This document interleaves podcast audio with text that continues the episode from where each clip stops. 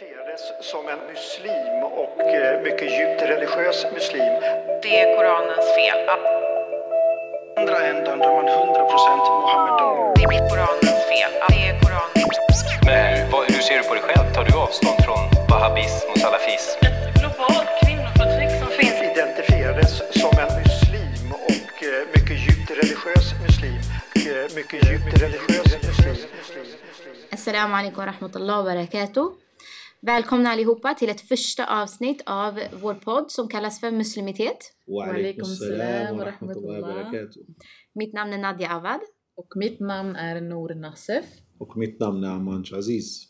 Det här kommer bli otroligt spännande att få starta den här podden. Eh, men vi kanske behöver berätta lite nu i början varför vi har startat den här podden. Liksom vad är syftet och vad är det vi vill åstadkomma? Mm. Eh, när vi har diskuterat den här podden så har det centrala varit muslimers subjektivitetsskapande. Men då också såklart eh, islamofobi, det vill säga det vi utsätts för. Eh, och eh, Amanj har ju varit med på en föreställning vid namn Muslim Ban.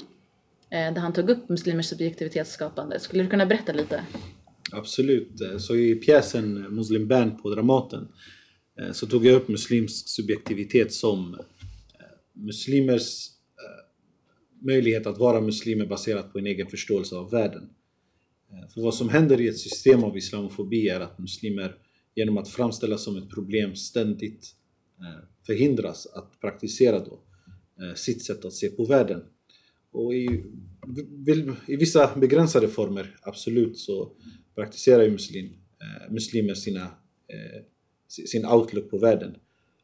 Men islamofobi, genom att problematisera muslimsk identitet, förhindrar eh, muslims subjektivitet. Det vill säga att genom att framställa muslimer som ett problem eh, systematiskt och systemiskt eh, så framställs också muslimers möjlighet till att implementera och orientera sig i världen baserat på en egen förståelse av världen som problematiskt i sig och därför måste på olika sätt förkastas.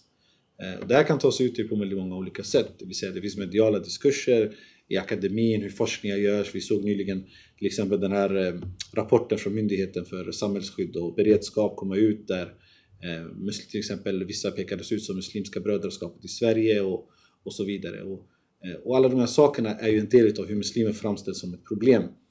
Men också individuella saker såsom diskriminering av en person på arbetsplatsen, hatbrott ute på gatorna. De här sakerna som sker sker ju endast på grund av att man ser muslimer som ett problem. När ett hatbrott sker är det för att den angriparen i, i det här hatbrottet ser ett, en avvikelse från systemet, ser ett problem i det system som han, an, han eller hon anser bör finnas och därför tar sig då rätten att eh, åtgärda det här problemet och gör det oftast genom att till exempel verbalt eller fysiskt attackera den här personen. Eh, och eh, det, hela det islamofobiska perspektivet då, de olika formerna det tar sig uttryck, är ett sätt att ständigt framställa muslimer som ett problem. Eh, ofta blir vårt eh, motdrag mot det eh, att prata om sann islam. Vi tror någonstans att det är det som då eh, räddar eh, oss. Eh, eh, jag tänker att du har några funderingar, du har några tankar kring det här. Eh, med hur vi åtgärdar eller hur vi bemöter att se som ett problem. Jo men precis, för så som du nämner så eh, blir vi utmålade som ett problem i samhället. Eh, och när det existerar ett problem så måste vi också prata om vad är lösningen. Och hur lösningen utmålas, det sker inte heller utifrån att okej, men vi måste nedmontera rasistiska strukturer för att det är de rasistiska strukturerna som upprätthåller vår eh, vår objektiva roll i det här samhället. Utan eh, det sker utifrån att vi behöver förändra oss själva. Det måste ske utifrån någon slags av reformering. Och då är nästa fråga, vad är det vi ska reformera oss till? Och då blir ju då till en normperson, alltså till vad normsamhället eh, tycker är värdigt. Vilket är utifrån ett västerländskt, eurocentriskt perspektiv. Det är att vi eh, behöver imitera eh, den västerländska mannen eller den västerländska kvinnan och så vidare. Eh, men i sin tur, om vi nu skulle försöka reformera oss själva så sker det ju utifrån att vi we're damned if, if we do, we're damned if we don't. För att när vi försöker också reformera oss själva eh, så Eh, blir vi ändå utmålade som att det är omöjligt att vi ens ska kunna ta ett avsteg ifrån vår essens. Och vår essens skulle då vara att vi är extremistiska, eh, vi tror inte på olika mänskliga värden som demokrati och jämställdhet. Så då hamnar vi i en slags limbo. Hur, hur tar vi hänsyn till eh, att vi är både problemet men att vi samtidigt inte kan eh, själva eh, lösa våra problem för att det ligger i vår essens att vi ska vara problemet i det här samhället. Så att eh, för att eh, summera det ni har sagt så kan man förstå den här relationen mellan subjekt och objekt som ett ojämlikt maktförhållande där vita görs till subjekt via sin maktposition och där muslimer görs till objekt genom sin underordning. Och det resulterar då i att vita ses som subjekt med objektiva föreställningar, det vill säga deras erfarenheter, slutsatser, åsikter och så vidare betraktas som en sanning eller neutrala eller fakta. Och eh, muslimer däremot ses som objekt med subjektiva föreställningar, det vill säga deras erfarenheter, slutsatser, åsikter eh, betraktas som partiska eller osakliga eh, och så vidare. Men det problemet då som många muslimer faller in i är att försöka nå en subjektsposition genom att påtala, nej men vår röst räknas också, titta på oss, muslimer är inte alls si eller så. Och det riskerar då istället att reproducera muslimers beroendeställning till vita. Eh, eftersom att man söker den här valideringen hos vita för att få sina erfarenheter, åsikter och kunskaper godkända. Så det vi istället måste göra då är att skapa oss själva som subjekt som inte resulterar i ett, i en reproduktion av beroendeställningen till vita eh, utan där vi blir till som människor bortom vitas ramverk. Har jag förstått det rätt? Jo, men helt, helt, helt enkelt så är det ju precis som du säger, för att om vi utgår ifrån Eh, Hatem Bazian är ju en otrolig person eh, inom, eh, det, det, in, inom det dekoloniala tänket. Och när vi var på den här islamofobikonferensen förra, förra helgen eh, så nämnde han ju att i, i en frågeställning som nämns att islam inte skulle vara rationellt och där muslimen då försöker med själ och hjärta visa hur islam och muslimer är rationella så sker det fortfarande utifrån en eurocentrisk paradigm att vi utifrån då vad, eh, vad det västerländska perspektivet är på rationalitet, att vi försöker eh, rymmas inom den ramen. Mm. Istället för att vi ska kunna skapa en egen, en egen föreställningsvärld om vad faktiskt en människa eller vad rationalitet eller vad eh, jämlikhet eller vad demokrati är och så vidare och så vidare. Det sker alltid då utifrån att vi försöker passa in i eh, den normramverket. Eh, och det tror jag är ganska kontraproduktivt för vår rörelse. Absolut. För att det resulterar då i den här beroendeställningen, alltså förstärkandet av den här beroendeställningen till vita istället. Men precis. För om du har sann, om, om du försöker eh, motarbeta eller ha motargument mot den eh, dominerande diskursen kring muslimer och islam och då försöker säga att sann islam säger så här och sann islam säger inte så här. Så ser vi också att de som proklamerar för sann islam ofta proklamerar bara för eh, det västerländska systemet egentligen. Och de säger kolla islam är faktiskt exakt likadan och identisk med det västerländska systemet. Vi är liksom inga avvikelser från den. Eh, och det är det jag menar med att det, det, blir ingen, det blir ingen islam baserat på en egen förståelse av världen utan det är förståelse av islam baserat på en påtvingad eh, defensiv hållning till vad, vad man vill göra egentligen, det vill säga dyrka Allah. Eh, och det är det som sker när subjektiviteten tas ifrån oss som människor, där vi också börjar kollektiviseras, där vi också börjar, börjar ta ansvar för vad andra muslimer gör på grund av att vi också anser att eh, vi är tillsammans ansvariga för att eh, någonstans eh, åtgärda eh, att andra ser oss som problem. Mm. Det vill säga att andra ser oss som problem är en sanning i sig. Och därför tro, måste vi tro på att vi är ett problem och därför måste vi åtgärda våra problem. Men det sagt betyder inte att vi inte har problem. För att det är inte heller så. Men hur vi löser de problemen måste ändå ges möjlighet till muslimer att kunna vara sig själva. Jag anser inte till exempel att det finns en eh, modell eh, av, av hur exakt en muslim ska vara. Jag anser inte att vi kan läsa Koranen och då ha någon slags manual och programmera folk till att bli eh, muslimer på ett visst sätt. Utan jag tror att muslimer är precis som alla andra människor. Är väldigt olika och kommer alltid göra olika saker och alltid uppfatta sin samtid baserat på sina erfarenheter och sin bakgrund. Eh, Men det här förhindras i ett islamofobiskt diskurs. Mm. Men jag tänker att när vi ändå pratar om islamofobi så är, det ändå viktigt att prata om själva begreppet islamofobi också. För att eh, begreppet till exempel den här rapporten som jag tog upp förut från Myndigheten för samhälls och beredskap, MSB. Eh, I den säger de till exempel att islamofobi är ett sentida Eh, begrepp, det vill säga att det myntades redan, eh, eller myntades så sent som 1995 eller 1997 till och med. Eh, och det, det, här är, det här är ett tankefel och ett, och ett historiefel. Det är en historierevision som baseras på en agenda snarare än fakta.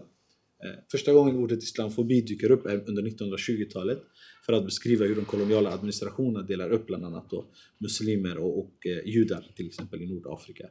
Eh, men också att eh, senare redan eh, under 80-talet så pratade Edward Said om islamofobi i sin nyutgåva utav orientalism. Så ordet har funnits, begreppet har funnits för att beskriva det som muslimer har erfarit under väldigt lång tid. Och för att beskriva de mekanismer som, de, som då försökt att exkludera muslims subjektivitet från världen. Men ordet beskriver ju bara någonting som redan föregår det. Att ett ord behövs betyder att någonting redan existerar som inte har ett ord, som inte har en benämning än. Och ordet skapas då just för att det finns redan ett fenomen som, som påverkar människor som läser som muslimer. Så vi har redan eh, fenomenet islamofobi föregår ordet islamofobi, det vill säga. Eh, och eh, det ser vi redan under, efter 1492 när eh, Andalusia intas till exempel och hur muslimer och judar eh, exkluderas från det politiska samhället. Även när de konverterar då till, till kristendom så ses de fortfarande inte som riktiga kristna utan de blir små muslimer och små judar och så vidare. Eh, och det är viktigt ändå att tänka på i, i, när vi pratar om begreppet islamofobi för att det avfärdas ofta som ett, för ett, som ett nonsensord vilket eh, också, är ett, också är islamofobiskt i sig för att eh, eh det, upprätthåller, det fortsätter upprätthålla eh, det system av eh, rasism mot muslimer eh, som sker Mm. eh, genom att försöka då avlegitimera själva ordet. Mm. Och likaså att man har ju också institutionaliserat och eh, låtit islam, islamofobiska föreställningar bli en del av våra strukturer. Eh, Edward Said nämner ju i hans eh, bok Orientalism hur eh, Napoleon, när han invaderade Egypten, så skulle bara inte det ske en ockupation utan även att han tog med sig vetenskapsmän för att studera den så kallade den andra. Eh, och eh, den här kunskapen institutionaliserades och lärdes ju ut på universitet i västvärlden. Så det innebär ju också att eh, islamofobi är ett strukturellt fenomen. Det är någonting som eh, existerar i våra strukturer. Alltifrån när det kommer till hur, my- hur myndigheter arbetar till, hur, eh, till vad det är våra eh, akademier lär ut, till media, vad de porträtterar och så. Så det här är ju inget eh, enskilt fenomen utan det här sitter ju i väggarna så att säga. Och kritiken mot, eh, kritiken mot begreppet har också sagt saker som eh, ä- Även alla de här sakerna du tar upp Nadja, ett sätt att fortsätta de här sakerna är just att eh, kritisera själva begreppet och låta oss fastna vid det. Det vill säga, att, som jag sa förut, att det, det anses vara ett slags nonsensord. Eh, men ord betyder det vi använder det som. Det vill säga, när vi säger glas och ögon så tänker vi inte på folk, att folk har någon slags glasglob i ögat. Eh, utan vi tänker på att det är saker som man sätter på näsan för att kunna se bättre. Så ord betyder det vi avser att det ska betyda. Och islamofobi är precis på samma sak. Det betyder liksom inte att man har någon slags fobi eller någon slags rädsla, irrationell rädsla gentemot islam, utan det betyder rasism mot muslimer. Eh, och det är som islamologer, religionsvetare, eh, rasismforskare, rasforskare och så vidare. Alla de är som överens om, om, om begreppets innebörd i sig. Eh, Det vill säga att det innebär antimuslimsk rasism på något sätt. Eh, Men just det här eh, att man försöker ta ifrån eh, ordets innebörd och säga men, och för- förlöjliga det istället, nedvärdera ordet säga ja men vi har ingen irrationell rädsla för islam. Vi, vi har faktiskt en rationell rädsla för islam till och med. Eh, Kolla vad muslimer håller på med. Men också att man säger ibland att muslimer inte är en ras. Och det, det argumentet är i sig själv väldigt problematiskt för då menar man någonstans att ras är rasbiologiskt. Så det vill säga att den personen som påstår detta tror någonstans då på rasbiologi och att raser då kan härledas till biologiska ansatser. Eh, Men eh, också att man på olika sätt eh, inte svarar på frågan egentligen. För att om muslimer inte är en ras är inte, det är inte frågan i sig utan det är att muslimer ses som en ras och därför blir utsatta för en slags rasism.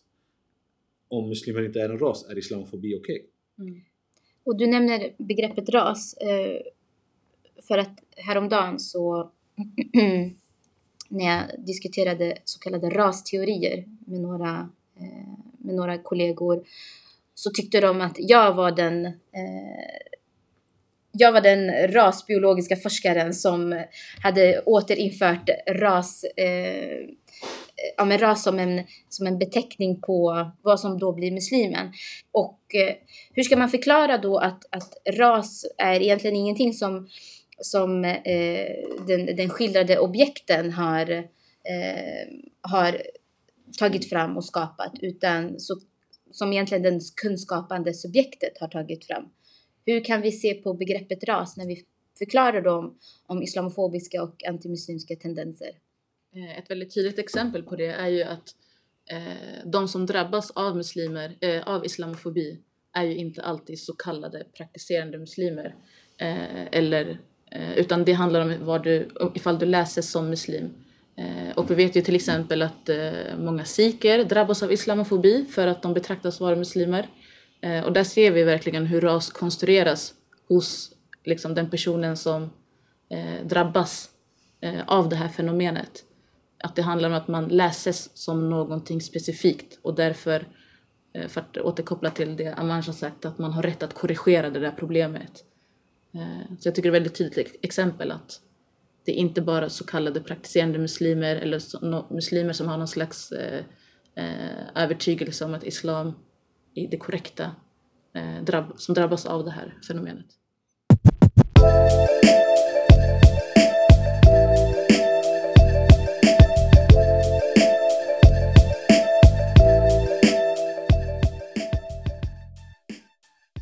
Eh, jag tänkte på en händelse som jag var med om häromdagen. Det var när jag träffade eh, två av mina närmaste vänner eh, och vi pratade lite om barnuppfostran. Eh, för att eh, den ena vännen har en jättefin eh, pojke, mashallah, på några månader och den andra vännen ska inshallah få en, en eh, ska själv bli en mamma väldigt snart.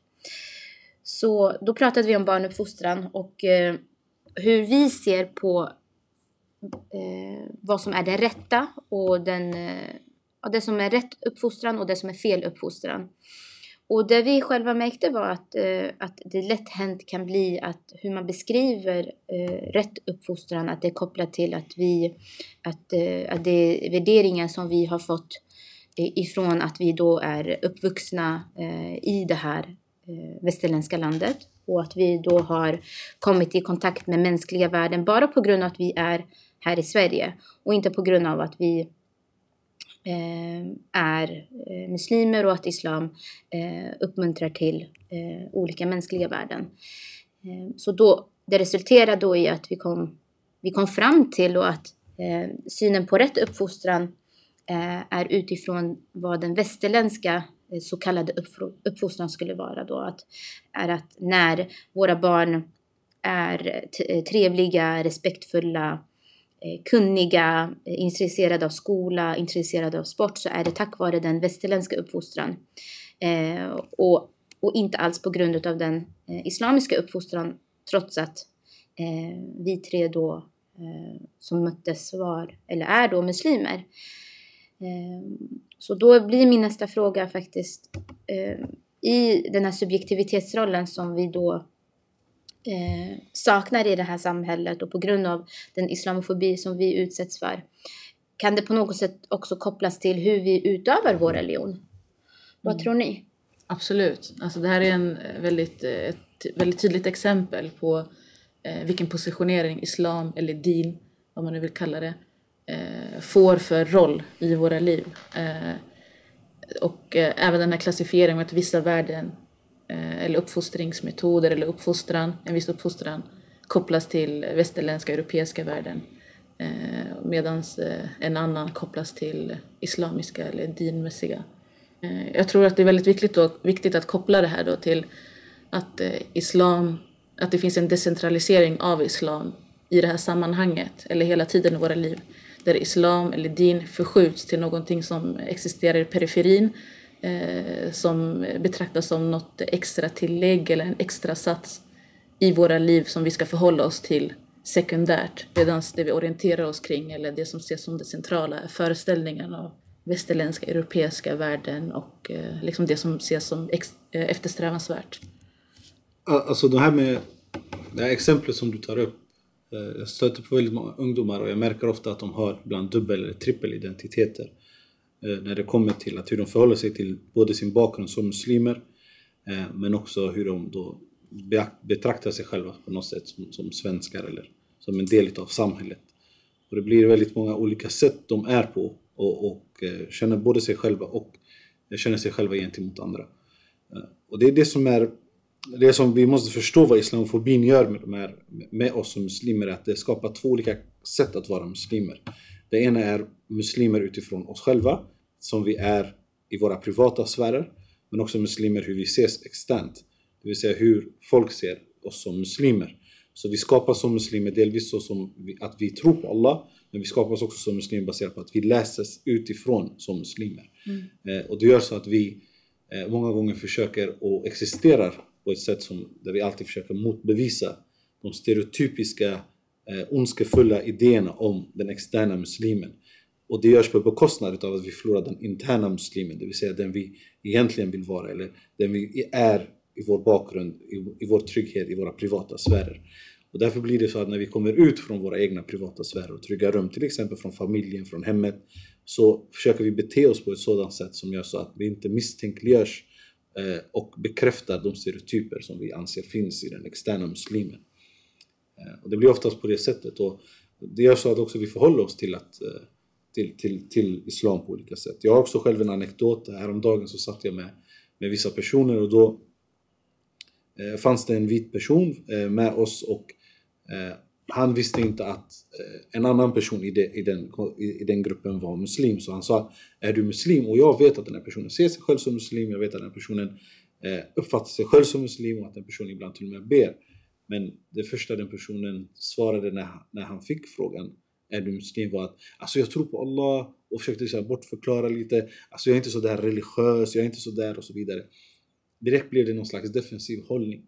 För att han vet att om han svarar ja till den här vita personen så svarar han ja till nidbilden av vad en muslim är och vad islam innebär från, eh, från den vita personens perspektiv. Eh, han vill egentligen svara på att han är muslim baserat på hans egen förståelse av vad islam är.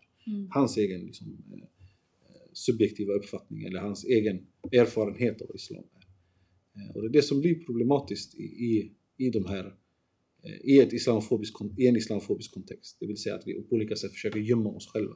Försöker hela tiden eh, späda ut oss själva så att vi verkar så eh, white passing som möjligt. Och därför undvika att utsättas för islamofobi. Mm. Och det är ju en konsekvens av den här decentraliseringen som du pratade om Nour, att det kan ske då att vi försöker gömma vår, eh, vår din eh, för andra personer för att på något sätt bli mer och mer white passing som du nämnde Amanj. Men sen också att vi kanske vill i ett, i ett försök att, att reformera och eh, eh, omforma vår religion eh, till de eh, så kallade eh, västerländska världen. Eh, och och, och det, det ses ju som problematiskt för att vi ska ju inte, eh, vi ska inte försöka fixa vår din utan vi ska snarare fixa vår relation till vår din. Mm. Och det är det jag tror är, är eh, slutsatsen i, i det hela. Mm. Absolut. För att, eh, det visar väldigt tydligt då på båda era eh, återberättelser att alltså vilket handlingsutrymme en muslim har i en islamofobisk eh, värld. Eh, och hur det påverkar ens eh, egna uppfattning om vem man själv är men också vem man egentligen då också vill, alltså eftersträvar att vara för att det ses som det goda sättet att vara muslim på. För man vill aldrig vara ett problem. Nej. Så man vill ju inte uppfattas... För om man svarar ja på frågan är du muslim så är det som att svara på frågan är du ett problem? Och många gånger så vill man undvika det. Så man, man, man försöker hitta sätt att späda ut det. Ja, men jag ber kanske inte fem gånger om dagen. Jag fastar ibland. Eller mina föräldrar är religiösa och så vidare. Så att man hittar olika sätt att på något sätt normalisera sig in i ett islamofobiskt Ja. eh, samhälle. Och dessutom att, eh, att eh, det som, det som då inte blir heller ett, ett produktivt sätt att förhålla sig till, till, till syskon som eh, gör så, är att man, eh, att man skuldbelägger dem. För att det i sig är också en, en, eh, en överlevnadsstrategi som många av våra syskon tar sig till för att kunna överleva i den här islamofobiska världen. Och, och det är därför jag eh, tillsammans med er ändå har skapat den här podden för att eh, stärka syskons eh, muslimska identitet. Eh, stärka oss själva och även andra syskons muslimska identitet. I rad med en massa andra saker. Mm. Inshallah. Inshallah. Det var nog allt för idag. Eh, Vi tackar för oss. mycket Absolut. På återseende, inshallah. Det är Koranens fel. andra änden där man 100% Mohammedan. Det är Koranens fel. Det är Koranens Men hur, vad, hur ser du på dig själv? Tar du avstånd från wahhabism och salafism? Ett globalt kvinnoförtryck som finns identifierades som en muslim och eh, mycket djupt religiös muslim. Eh, Mycket djupt religiös muslim.